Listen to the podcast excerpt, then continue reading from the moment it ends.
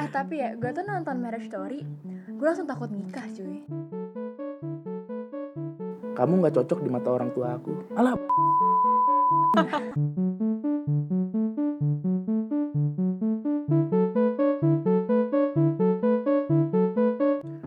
Welcome to BOE Ekonomicast, brought to you by Badan Otonom Ekonomika FEB UI. This is Haikal Kintara. And Erika Tanujaya at your company. Get comfy Grab a snack. and a friend, cause we're about to light up your weekend.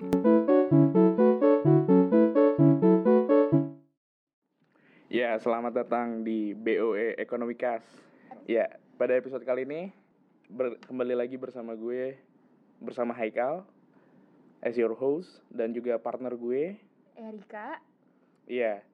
Dan kali ini kita nggak sendiri. Iya, ada temen nih kita kali. Iya, hari ini kita nggak ansos-ansos banget berdua aja. Kita di sini ada Islam milenial. Welcome Islam milenial.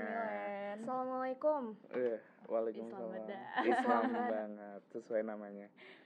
Iya, BTW gue tuh ini ya, kemarin tuh di Netflix lagi rame-ramenya tuh film ini, Marriage Story. Wah gila, gue nonton nangis banget endingnya. Gue nonton nahan nangis. Gua- Kenapa? Tetap tetap cowok ya, ya tetap laki ya. eh, menjaga kelaki-lakian. ya. Iya. Gak boleh kelihatan nangis kalau cowok. Iya, jangan berat-berat dulu. Masih Hmm, awal, masih awal. Oke oke oke oke. Eh tapi ya, gue tuh nonton Marriage Story, gue langsung takut nikah cuy. Iya, cuy. Gue juga, oh kalau gue sih sebelum nonton Marriage Story emang gue Oh udah takut nikah ya? nggak nggak nikah gitu kan. Kenapa tuh kau? Iya, soalnya gue gue takut sih men. Hmm. Gue takut untuk berkomitmen lah. Hmm. Gue takut untuk berkomitmen. Klasik lah. gue tuh gue tuh takut bosenan. Eh, maksud gue gue tuh takut gue bosen dengan satu orang aja. Makanya gue mau nanya nih di awal podcast ini, lu berencana buat nikah gak sih? Pada kalau gue sih dari awal udah nggak berencana. Lo pengen jadi kayak ini? Kan ada istilahnya tuh, cat lady. Lo pengen jadi Catman. Catman. Apa sih? Apa sih, cu? Nah, jadi iya pokoknya biar nggak ini banget nih men. Jadi kita berawal dari marriage story yang ceritain kalau di situ tuh eh, bahwa sangat sulit bahwa satu pasangan itu untuk bertahan hanya dalam satu orang doang ya. Gimana sih? Jadi kayak Iya. marriage story itu kayak menggambarkan bahwa sulitnya satu iya satu pasangan ini bisa bertahan dengan satu partner dalam kehidupnya aja gitu loh. Bener deh, gue tuh lupa deh. Di Marriage Story tuh masalah mereka berdua tuh apa ya? Yang bikin Masalahnya tuh mereka kayak hmm, si cowoknya selingkuh, ya gak sih? selingkuh itu satu tapi kayak yang lebih besar. Ini spoiler alert ya, Oh BTW. iya. Iya, disclaimer dulu nih buat Yang para belum nonton, buat para eco-caster, skip, skip. buat para eco-caster ini disclaimer dulu kalau ini eh, Spoiler ya. spoiler awal. Tapi udah udah legal gak sih kita nge-spoiler kan udah lebih dari dua Iya. minggu. Iya, udah siapa tahu belum ada yang dapat partner Netflix Oh, kan dari gitu. kemarin kayak saya. Cari keluarga Netflix dulu Iya, ya. keluarga Netflix. Iya, Tapi anyway, kalau di Marriage Story itu tuh si Nicole. Nicole, Nicole tuh Scarlett Johansson ya. Iya, Cakep Scarlett Johansson. bro. Cakep banget, Parah anjir. Badan apa gitar Spanyol? Waduh. Et Et. et et.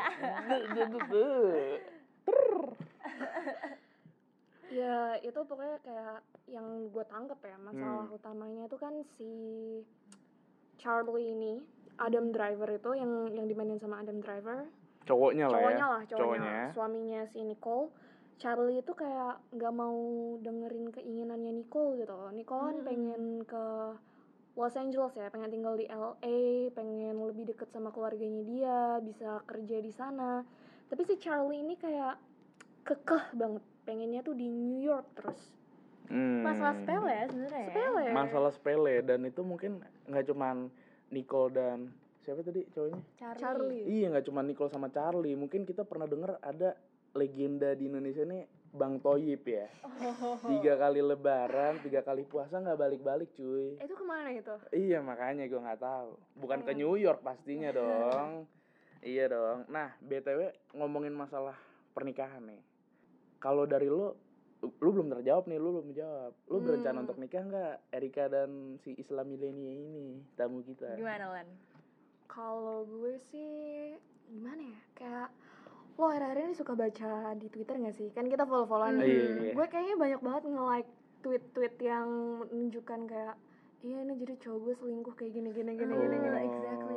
sebenarnya gue jadi takut gitu kan Oh, baca kayak oke. gituan cuma gue sendiri masih masih lumayan optimis lu lumayan optimis ya dengan pernikahan itu Ke- eh, kenapa apa yang ngebuat lo tetap optimis gitu loh dengan berbagai banyak hantaman bro berbagai banyak berita cerai di infotainment nih mungkin apa yang ngebuat lo tetap percaya bahwa pernikahan tuh masih tetap stabil lah gue sejalanin mungkin ini kali ya em, kayak tuntutan buat conform hmm, tuntunan exactly. sosial ya to the norm Karena Iya. saat lo gak nikah orang-orang bakal kayak lah, ini orang kenapa Iya. gak nikah aneh banget. exactly ada yang salah nih pasti Iya, gitu pasti kan gak ada yang kan. suka sama dia. Iya. Hmm, kayak gitu jadi emang ternyata emang bahwa nikah itu tuh jadi tun- apa ini ya peranata sosial ya Hmm, peranata sosial untuk menjaga bahwa eh, memiliki keturunan, memiliki pokoknya ternyata pernikahan itu nggak cuma masalah dua orang bro. betul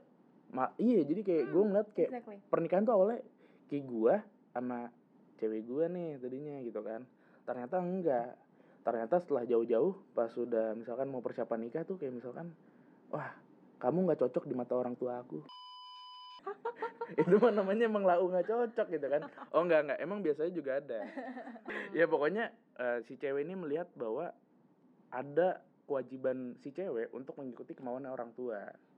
Ternyata right. bahwa iya dan itu nggak cuman satu pasang dua pasang ya. Dan bahkan bukan cuma ceweknya doang sih. Menurut gue both party, iya gender apa pun, dia pasti dalam memilih pasangan bahkan sebelum nikah. Bahkan cuma baru milih Ah. doang sama siapa. decision pasti making mikir. itu iya decision making itu nggak cuma sama satu pihak Iya, pasti dan mungkin kalau untuk orang tua doang masih normal lah ya Iya. orang tua kita. Nah, tapi lucunya nih, pak rt-nya ikut, Ikut. tetangganya ikut, ikut, semua. Temennya iya ikut, temennya Mantannya ikut bahkan ikut. nah itu ibunya pagi-pagi lagi beli di warung nih ini Tukang Jang. sayurnya ikut, Ih, tukang coy. sayurnya ikut emang Iya, pasti orang tuh memilih masa pasangan yang ter, yang apa sih yang bisa diterima oleh orang-orangnya lah. Mungkin kayak gampangnya nih ya, saat lo foto sama pasangan lo terus lo masukin ke Instagram, lo pasti mau foto lo itu banyak yang like, foto lo bakal yang kayak wah nih cowok lu ganteng banget nih, wah cewek lu Iya. cantik banget nih. that's right terus kayak Nah. mereka oh gila couple goals Hmm, banget Couple pasti goals lo mau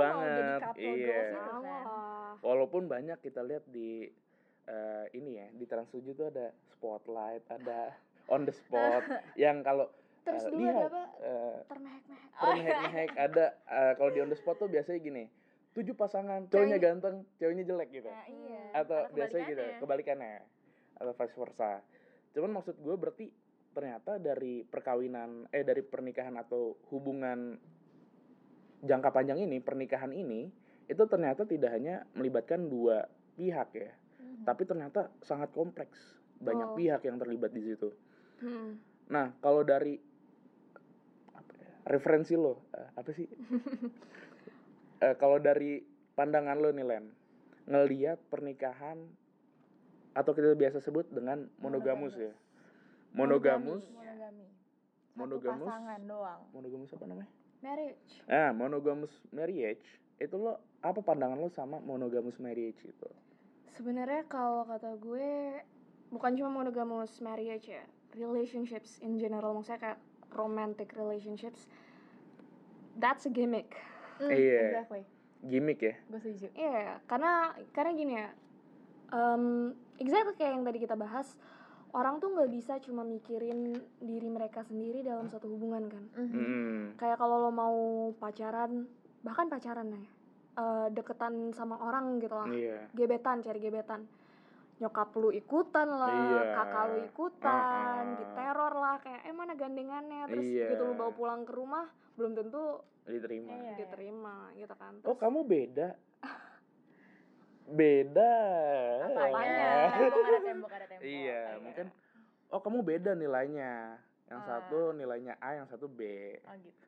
Ya itu kan juga salah satu iya itu salah satu constraint kan Mhm, dalam betul. berpasangan salah satu constraint Dan di sini kita emphasisnya poligami, maksudnya relationship poligami bukan berarti dia selingkuh, dia punya pacar lebih dari satu, tapi orang di sekitarnya itu ber- mempengaruhi. iya tapi eksklusif eksklusif gitu, kan Purely out of love. Ah, ah. Mhm.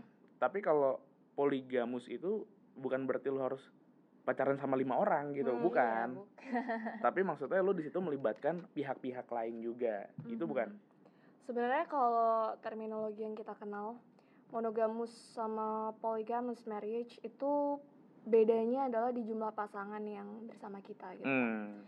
Cuma in the end of the day, they're just terminologies gitu loh. Hmm. Karena kalau poligami hati lu yang terbagi ke misal katakanlah tiga pasangan eh, tiga Iya.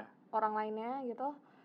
Tapi di monogami pun hati lu juga terbagi, antara Terbagi. nyokap lu iya sama istri lu misalnya. secara gitu kan. legal Secara legal. secara legal dan secara garis keturunan mungkin, Iya. gitu kan. satu derajat ke atas satu derajat ke bawah kayak pajak. kayak pajak ya kan nah btw emang kalau ngomongin masalah marriage itu tuh biasanya orang biasanya kalau kita ditanya eh alasan lo kenapa sih lo mau nikah sama tuh orang gitu kan pasti jawabannya apa Erik setia Anjay, Iya. gue orangnya Atau- setia. iya, atau gue tuh cinta sama doi Ah. men love love love gitu kan nah emang bahwa ada kekeliruan kalau orang tuh nyebutin bahwa uh, alasan utama mereka buat nikah itu adalah cinta gitu Hmm. gue tuh kayak merasa Itu alasan yang risky gak sih? iya itu alasan yang risky karena gue pernah baca kalau bukan baca ya dan gue pun merasakan gitu loh kalau cinta itu tuh cinta itu tuh adalah short term sedangkan pernikahan itu long term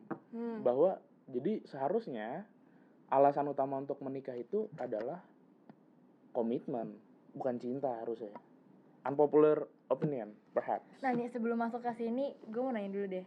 Kan percaya nggak sih ada sesuatu yang namanya cinta? Cinta. Sebenarnya kalau gue mikir ya, cinta tuh sama kayak terminologi-terminologi lainnya. We invented it. Itu We sebuah created it. imagine reality gitu nggak sih? Sebenarnya tuh nggak That's ada right. yang namanya Mm-mm. cinta gitu. Atau Iya. ada? Gue pernah nonton ini series judulnya Perception. Aha. Di situ ada seorang dokter syaraf gitu, neurologist atau neurosurgeon gue lupa. Namanya Dr. Daniel Pierce. Aha. Dia menjelaskan proses gimana kita bisa mencintai seseorang gitu kan. Hmm. Gimana neurologis kita ketika kita mulai mencintai seseorang. Dan itu emang ada proses chemicalnya. oh Emang ada proses chemicalnya. Jadi mungkin Hormon apa itu yang endorfin? hmm, endorfin Yang yang, menciptakan lo- kebahagiaan iya. gitu oh kan. oke oke oke Terus kayak eh ada istilahnya apa ya? Gue lupa ini anak IPA belok ke IPS gitu. terus Iya, udah lupa semua udah nih. lupa hormon hormonnya Amigdala lu, terus kayak Ah. lobus amigdala lu atau something lah. Itu memproses perasa- perasaan lu, menciptakan ilusi bahwa you have a special connection with this person gitu kan. Terus in the end of the day, konstruksi sosial justru em, ini sesuatu yang dibangun over time ya. Hmm. menun eh, menyarankan lo buat seal the deal. When you love someone, you marry them dengan satu orang dengan satu orang. dengan satu orang Iya, tapi ya yang gue sorry, yang gue pikirin itu saat lu mencintai seseorang ada alasan biologisnya nih. Ya Mhm. kan, yang tadi hormon-hormon segala, Hmm. terus tadi apa yang lu bilang itu, terus kayak pokoknya ada kan yang menyebabkan kenapa lu deg-degan, kenapa lu ada kayak butterflies in your stomach Hmm. dan segala macem gitu kan. Nah, tapi ya btw buat yang belum tahu butterfly in your stomach tuh ini artinya tegang-tegang gimana Iya, aja tegang-tegang gimana kayak, aduh "Ah, ah," gitu. Deg, deg, deg, deg, deg, deg. Eh, iya kan Kayak jantung lo tuh jatuh perut Iya, gitu. Nah, tapi eh, perasaan itu tuh nggak cuman bisa muncul dengan seseorang yang lu sayang, maksudnya kayak dengan pasangan yang orang bilang tuh sebagai pasangan hidup lu gitu nggak sih? Maksudnya kayak kalau lu eh, ketemu idola lo, lu punya reaksi Sama. yang sama. Oh, Sama. berarti reaksi itu nggak cuman eh, berlangsung cuman hanya pada satu orang iya, dan lu gitu nggak loh. bisa bilang ke Justin Bieber gue sayang dia gitu kan. Iya. Walaupun lu reaksinya sama dengan saat lu ngeliat cowok yang lo idam-idamkan atau cewek yang lo idam-idamkan Mm-mm. ini gitu kan. Bahwa ya memang itu sih, mungkin secara biologis proses yang terjadi dalam tubuh tuh sama, Mhm. tapi mungkin responnya akan berbeda gitu. That's right. tapi itu karena norma sosial maksudnya Nah, iya iya iya gitu iya. kan. Berarti kalau menurut gue sih gini, eh kalau menurut gue tuh berarti emang cinta itu secara biologis emang sama gitu ditimbulin dari dari dalam pikiran. Iya, yeah, gue Ada. gue setuju, gue setuju kalau kalau cinta tuh emang timbulnya dari dalam pikiran kayak lo mengkondisikan diri lo sendiri buat mencintai Exactly. seseorang gitu kan buat Mm. berpikir bahwa oh gue punya rasa lebih Oh iya, Iya, iya maksud eh, tadi gue mau ngomong ini, maksud gue tuh bahwa emang cinta cinta pada pandangan pertama tuh bullshit man. bullshit, bullshit. Bullshit, banget, man. bullshit banget bener Karena ketika lo bilang bahwa cinta pandangan pertama gue, Uh-huh. itu lo akan katakan kepada ketika lo bertemu dengan seseorang yang membuat butterfly in your stomach lagi gitu loh. tapi again lo harus ngelihat orang tuanya sokap Iya, kakek iya. neneknya siapa kerjaan Keturunannya dia apa? Darah Iya. warnanya eh warna darahnya apa? duitnya gimana kan lo harus Iya. ngeliat faktor-faktor itu yang mungkin saat lu pertama lu ngeliat dia lu ngeliat eh, lu merasakan butterflies in your stomach tapi setelah lu melihat itu Iya. eh nggak jadi deh Iya. mungkin itu gue cuma mual Iya. Mungkin ya, begah perut begah habis makan. makan kintan cuy Nah iya, cuman masalah kita ngomongin ini long term relationship tadi yang gue cerita bahwa marriage itu long term, sedangkan love itu short term gitu kan. Berarti ketika kita bicara long term itu banyak faktor ya, ibarat faktornya itu sangat kompleks sehingga bertahan lama marriage itu. Salah satunya tadi pertama gue bilang komitmen sama setia. Mhm. Menurut gue setia itu bentuk lain dari komitmen gak sih? Karena setia itu tuh gimana ya? Ada alasan kenapa lo tetap bertahan gitu. Mhm. Kalau kata Pamungkas tuh alasan masih bersama tuh karena rasanya masih sama. Tuh, anjay. Shout to Pamungkas. Mantap. ya iya sih karena lo pasti mengondisikan diri lo sendiri buat buat mempertahankan suatu hubungan itu pasti ada alasannya dan most of the times itu karena lo mikirin orang lain juga kalau lo cerai itu Anak nanti- lo gimana? anak lo gimana Hmm. orang tua lo gimana nanti gitu kan kalau lo putus nanti teman-teman lo gimana dan bahkan gitu-gitu status kan. sosial lo bisa Iya. turun saat lo cerai Exactly. Dan Kayak setia gitu. itu ternyata balik lagi ke monogamus ya. Iya. Ke konsep di mana monogamus marriage itu orang nggak bisa bisa bertahan sama satu faktor doang. Ternyata untuk bertahan pun membutuhkan banyak faktor. Ya tetangga, ya lingkungan, ya Ketua orang tua, RT. ya anak, ya ketua RT, ustad bahkan ustad, ustad, ustad itu kan. Langsung. Mentang-mentang nama gue Islam lu bawa Ustad. iya, aduh, bukan gitu mbak. Lang- eh, ini ya, cuman ya itu ternyata balik lagi ya ke konsep monogamus tadi bahwa emang setia itu nggak bisa cuma satu. Eh, mo- monogamus itu nggak bisa exclusively Nggak bisa satu exclusively. orang doang sebenarnya. Iya, Jadi kayak untuk setia aja lo membutuhkan banyak pihak untuk bertahan. mhm. karena ya itu tadi kesimpulan dari yang kita omongin it's just a gimmick. Iya, it's just a gimmick. Karena in Ternyata the end of the day, marriage lo semonogamus apa pun itu lo nggak bisa eksklusif sama satu orang itu. iya, Pasti gimana ya? Nggak tahu sih ini ini the pessimistic side of me yang keluar dan bilang you cannot force someone to be loyal. Mhm. Hmm. nah itu dia ini Iya, balik iya, ke iya. topik yang lebih ringan kali ya iya. ini gua- itu yang membuat gue takut kesetiaan itu yang membuat gue ragu untuk nikah cuy karena Mm-mm. menurut gue nih satu orang mungkin tadi kan kita udah mengkonklusikan kalau setia itu adalah sebenarnya komitmen gitu kan Iya, iya. nah mungkin at first nih orang komitmen ya sama gue dan gue komitmen sama dia cuman kayak lu nggak tahu in 10 years lu nggak tahu in 20 years if you still feel the same Mm-mm. iya kan Yep, yep.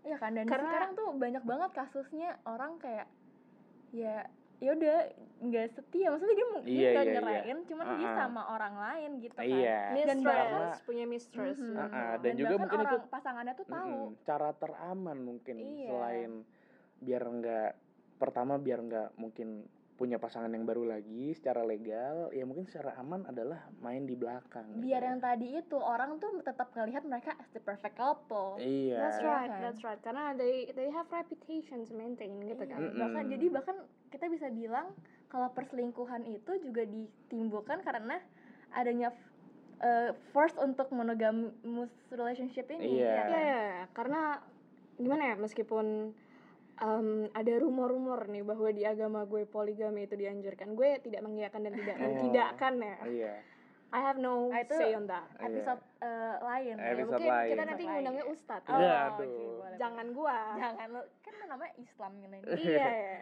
Dari, nah btw gini sih kalau gue ngeliat bahwa dari awal tadi coba kalau gue coba wrap up ya itu tuh kayak hmm, bahwa Milen bilang kalau love is just a gimmick gitu kan dan lo bilang bahwa setia itu emang cukup sulit untuk memaintain. Maksud gue juga gini eh, mungkin buat orang-orang di luar sana mungkin akan mengcounter argumen-argumennya Erika bahwa setia itu sulit ya. Cuma maksud gue gini lu murni setia sama satu pasang tapi realitinya kan enggak. Ternyata lu nggak bisa hanya setia sama satu pasang gitu loh. Lo harus setia juga terhadap orang tua lo setia juga terhadap anak lo atau bahkan lo ketika lo melirik eh, wanita atau pasangan yang lebih kece dari pasangan lo tuh lo akan hati lo akan dak dik dik dak dikduk dan itu pun sudah tidak setia cok. Iya kan? Iya. Iya kan? tapi memang apa ya sebenarnya itu sesuatu yang avoidable. Avoidable. Tapi jatuhnya jadi inevitable gitu loh. Mhm. iya. Lo pasti akan ngelirik orang. Akan melirik itu pasti orang. ada cuman ada beberapa orang yang mungkin bisa mengavoid itu dan gue appreciate orang-orang itu iya buat gue sendiri sulit sulit sih ada Sulit. Mhm. kayak gitu sih Nah, dari sepanjang obrolan kita tadi udah mau masuk 20 menit nih. Ah, gue nanya sama Milen dulu deh.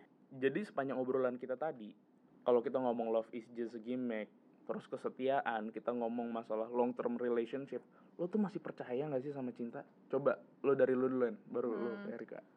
kalau gue gimana ya dibilang percaya ya gue masih percaya bahwa eh, orang tuh butuh motivasi ya buat settle down dan orang itu butuh suatu apa ya Dorongan. suatu entitas Oh, entitas. entitas Iya. buat disalahkan Mm-mm. atau entitas buat dijadikan alasan gitu kan Secara tidak langsung. secara tidak langsung kayak oh gue nikahin dia karena ya gue cinta dia gitu Iya. that sounds better than oh I married him because yeah Kayak he's rich Ah, gitu. atau anaknya anaknya suatu- siapa gitu eh, kan anaknya Shokap gitu kan. nah kayak gitu sih ya Mm-mm. gue gue masih percaya dalam hal itu cuma satu hal lagi yang gue percaya dalam mempertahankan sebuah hubungan you definitely need more than love Mhm. Pastinya. Nah, exactly. kalau menurut gue ya saat lu lu nikah karena lu cinta atau karena lu eh, lu memilih untuk mencintai Peran dia dan saat lu cuman cinta kan lu berarti lu eh, menikahin dia based on your feeling itu yang tadi butterflies in your stomach terus deg-degan Mm-mm. ada hormon yang keluar segala macam itu kan Ah, Nah, tapi saat lu memil eh, menikahi seseorang karena lu memilih dia, itu bakal lebih long term menurut gue. Jadi Hmm. mungkin lu nggak merasakan hal-hal itu, cuman lu merasa lu cocok banget nih sama dia. Lu kalau iya, ngobrol nyambung terus, jalan terus, nyambung terus, terus.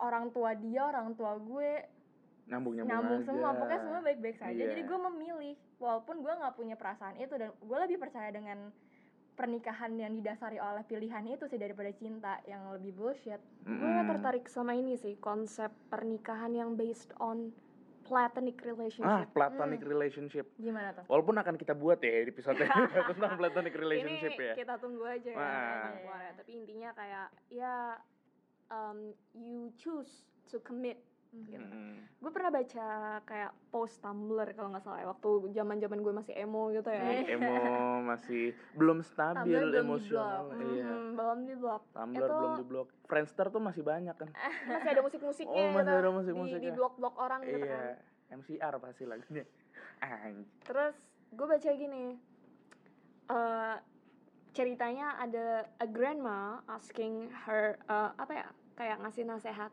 ke her granddaughter bilang gini lo berdua mungkin pernah ngerasain lah ya gue nggak tahu sih kalau kalau kalau Haikal selama ini kan masih jomblo nih. Eh, gue nggak tahu sih Haikal udah pernah ngegandeng. Jomblo by design. Apa by choice? Gue nggak tahu sih Haikal udah pernah gandeng tangan cewek belum nih? Masa belum? masa belum? Aduh. Masa perlu gue jawab? Mungkin di konser gitu kan. iya. Oh mungkin pernahnya bukan gandeng disenderin. Ah, Oh. mungkin. Kan kayak Haikal empuk-empuk nih enak nih di senderan nih. iya saya joki kebetulan tapi uh, Erika pernah kan pasti kan kayak ngegandeng Hmm. tangan cowok terus kayak you feel your heartbeat terus Iya. kayak maybe you felt langsung ada back sound itu di kepalanya apa back Sheeran apa sih bahkan, bahkan gak cuman gandeng cuy. Saat lu cuman ngelihat dia lewat aja tuh Iya. kadang-kadang lu deg deg deg deg deg gitu kan Ah. kayak kayak ada satu dek gitu iya dek nah terus maybe you felt sparks Mm. being near them dan segala macam gitu si grandma ini bilang ke granddaughternya kalau lo nemu cowok yang kayak gitu leave them Why? kenapa you must look for someone yang lo nggak Deg-deg. anxious oh ketika dekat mereka you feel safe ah bener around them. banget Instead, lo merasa anxious, lo merasa deg-degan, that's just temporary, man. That's your hormone speaking, Hmm. itu organ lo yang berbicara, that's, yeah, even though brain juga part of your organ, but it's like iya yang lebih rasional gitu kan. Mhm. dan juga buat mungkin buat para ecocaster mungkin ini bisa jadi masukan buat kalian kalau kalian mau nyari pasangan mungkin jangan cari yang deg-degan ya siapa tahu kalian bukan lagi nyari pasangan lagi naik kora-kora ya kan deg-degan mulu bawaannya naik ke atas turun aduh jadi coba dipikirin Mau lagi muntah kan itu kayak Mau ngerasa apa ya, Iya. butterflies gitu ya. iya Ya, ini buat ecocasters juga masukannya. Mungkin udah didengar kan tadi Haikal lucunya kayak gimana. Terus kayak Iya. ya ini juga salah satu ini ya prospek gitu ya kan dari kan kita udah bilang mungkin Haikal belum pernah ngegandeng gitu Oh, Mungkin ada saya- ecocaster yang tertarik dengan Iya. Haikal. bisa hubungi Nape jadi promosi Bisa cu email iya kita kan langsung boleh. Ah, iya Hai, saya tertarik dengan Haikal, boleh sih. Iya, Hmm. boleh juga boleh kalau Erika nya gimana Oh, saya jangan dong. iya Jangan dong. saya juga udah ada gandengan kebetulan tas gandeng Eh, tas gue gandeng semua sih, gue Iya. gandeng tas terus. Nah, karena kita tadi udah bicara masalah monogamus, poligamus, terus ada platonic relationship, kita balik lagi deh. Jadi uh, setelah kita bicara tentang masalah apakah lo percaya dengan cinta, apakah lo percaya dengan kesetiaan, sekarang apakah lo percaya dengan konsep pernikahan? hmm. Hmm, nggak apa-apa dipikirin dulu. Hmm. Pertanyaan awal ini pertanyaan besar kita di Iya. episode kali ini. Hmm, ya. Eh, Boleh, boleh, gitu boleh. gitu. Iya, Yaudah. terus percaya nggak ya lo percaya nggak Rik Hmm. Sebenarnya gue terlahir dengan pernikahan yang sempurna, bisa dibilang sempurna gitu ya. Jadi mungkin kalau by default gue harusnya percaya. iya, Cuman kayak by default. eh, tapi itu kan keluarga lo, Rik. tapi keluarga gue tapi Bukan saat lo. iya dan Wah. saat gue ngelihat kenyataannya gimana orang-orang di ya. sebelah di sekitar gue, orang-orang yang mungkin jauh juga di sosial media segala macam, gue gimana ya kayak eh, takut takut dan pernikahan itu Hmm. tuh kalau ditanyanya percaya atau enggak sebenarnya tuh gue balik ke orangnya hmm pasangan lo nantinya Uh-uh, jadi Pasangannya. gue tuh nggak setuju kalau seseorang tuh dipaksa harus menikah karena pernikahan itu adalah- adalah keharusan karena mungkin ada banyak orang yang nggak Dan bisa juga peranata sosial lah. iya dan ya, Hmm. ada be- mungkin ada beberapa orang yang nggak bisa setia nggak bisa berkomitmen dan nggak Hmm. bisa hal-hal lain yang tadi kita udah omongin itu dan harusnya tuh ya idealnya di dunia tuh ya udah kalau ada orang-orang kayak gitu ya udah biarin aja itu kayak itu adalah dia gitu loh dan Mhm. padahal di sekarang tuh oh, kalau ada orang yang kayak gitu kita tuh lebih ada tendensi buat kayak ini orang aneh nih orang pasti nggak ada yang suka pasti attitude-nya jelek gitu Iya. kan harusnya tuh di live aja dari apa hal-hal yang terpikirkan seperti Hmm. itu Kalau menurut gue sih emang menikah secara sosial, secara peranata sosial itu perlu ya. Karena kita akan dilihat masyarakat gitu loh. nah itu dia Dan makanya iya, kita akan dilihat masyarakat, kita hidup di masyarakat yang percaya akan bahwa manusia yang ideal adalah manusia yang menikah gitu Mhm. kan. punya keturunan Ah, ah. cuman menurut gue gue akan emphasize adalah reasonnya Hmm. alasan buat menikahnya karena menurut gue balik lagi alasan buat menikah itu adalah bukan cuma cinta cuman kayak Mhm. balik lagi ke pengertian antar kedua pihak komitmen juga gitu loh jadi mau tidak mau kita hidup di masyarakat yang percaya bahwa manusia yang ideal adalah manusia yang menikah gitu Mhm. kalau menurut lu gimana Len? Kalau gue percaya dengan pernikahan sih, meskipun ya as opposed to Erika mungkin memang uh, gue tidak terlahir di apa ya pernikahan yang 100% atau grade A gitu lah. Mhm. Tapi in the end kayak tiap anak itu, tiap individu itu pasti dalam perjalanan hidupnya mereka nemuin kayak makna makna hidup sendiri lah ya. Iya. Kayak nemuin preferensinya mereka kayak gimana dan gue setuju sama Erika yang Erika bilang bahwa itu bergantung pasangannya. Mm-mm. cuma intinya itu gue masih percaya dengan pernikahan karena gue masih menganut em, harapan Mm. bahwa yang gue- tinggalnya juga di harapan indah ya. Kok kok kok kok buka-bukaan? Beautiful hope. Iya, beautiful hope bahwa gue suatu saat akan menikah based on platonic relationship, platonic, Platonic commitment, kayak gitu. Jadi gue masih percaya sih dengan pernikahan itu karena gue masih percaya juga ada orang yang rasional gitu. iya kalau kita ngomongin masalah tergantung jodohnya tergantung ini itu bisa bicaranya tentang kodrat takdir Kode dan kodar. kodo dan Ah. kodar atau nah itu lagi tuh gue nggak percaya tuh ada jodoh Nah, bicara tentang jodoh nih. Apa lu percaya tentang jodoh? Maksud gue kayak gini loh. lu terlahir dari rusuk orang atau kalau yang cowok rusuk lu diambil untuk Rusuk lo diambil gitu. Untuk seseorang untuk gitu Iya. kan. seseorang dan itu jodoh lu Ini disclaimer ini bukan bakso, guys. bukan bahasa rusuk Oh, bukan bakso rusuk. Para ekocaster buat yang denger. Gimana ya? Em, kayaknya harusnya ya, we're not just born for one person gitu loh. Karena kalau kita cuma terlahir untuk satu orang ya buat apa kita ada? Mhm. Mm-mm. Iya. Ya emang balik lagi ke terminologi jodoh ya. Iya. Kayak terminologi jodoh tuh kayak jodoh tuh udah didetermine sama Tuhan ketika lo sebelum lahir gitu kan. Mhm. di surga gitu Di ya udah surga. di determine ini jodoh lo Nah, gitu sebelum lu brojol oe-oe tuh udah ada. Udah ada Nah, jodoh lu. Jodoh Dan katanya. gue gak percaya kalau itu cuma satu orang Ah, Karena oke. dalam perjalanan hidup lo, lo tuh harusnya Gimana ya? Bukan harusnya sih, tapi most likely Distribusi normalnya nih Orang-orang akan encounter different people Before they reach a certain person Yang mereka benar-benar klop More than they do with the others gitu kan. Hmm. Jadi menurut gue Ada beberapa jodoh untuk beberapa fase kehidupan gitu loh. Hmm. Kayak That is why we have access. Terus kayak kenapa kenapa gue juga masih optimis? Karena menurut gue em, gue pasti akan dipertemukan dengan orang-orang baru gitu orang-orang lainnya Hmm, iya sih. nah ini tuh gue setuju nih sama Milen dan itu kenapa gue nggak suka dengan terminologi jodoh Hmm. gue nggak suka saat orang wah nih jodoh nih cocok banget jodoh kenapa nggak Iya. sih kenapa nggak cuman bilang mereka cocok udah gak usah pakai Iya. jodoh-jodohan gitu loh Iya dan dan kata-kata jodoh kata-kata meant to be itu Mhm. itu justru kayak put pressure gak sih ketika Iya, ketika bener lo merasa Ternyata tidak cocok. iya lo, lo Iya. merasa nggak tapi cocok dia jodoh gue Nah, Iya. kayak lo udah nikah berarti itu jodoh gue terus kok gue ngerasa nggak cocok Heeh. ini yang salah gue apa gimana Ah. ya gue nggak suka dengan bagaimana arti jodoh itu tuh di shift Iya. seiring waktu itu Dan masyarakat kita masih tabu ketika ternyata yang kita nikahin itu bukan jodoh. iya Dan itu sebenarnya nggak salah, men. terus cerai kawin lagi kan Iya, Itu either nggak itu cerai terus kawin lagi atau ya lu bersama bukan dengan yang jodoh lu. iya. Akhirnya lu eh, tetap bersama dengan alasan yang kompleks tadi yang gue bilang ya masalah anak ya masalah orang tua. Maksudnya lu tetap bertahan dengan itu tapi lo bisa menjaga komitmen antar lo berdua. Menurut gue why not gitu? why not juga gitu. Kenapa kayak ya lo nggak harus eh, berpedoman bahwa lo menikah itu adalah jodoh lo gitu loh. Mm-mm. sebagai berpandangan gue dengan konteks menikah sebagai peranata sosial gitu kan dan menurut gue gimana ya kata-kata meant to be itu tidak harus untuk selamanya sih hmm.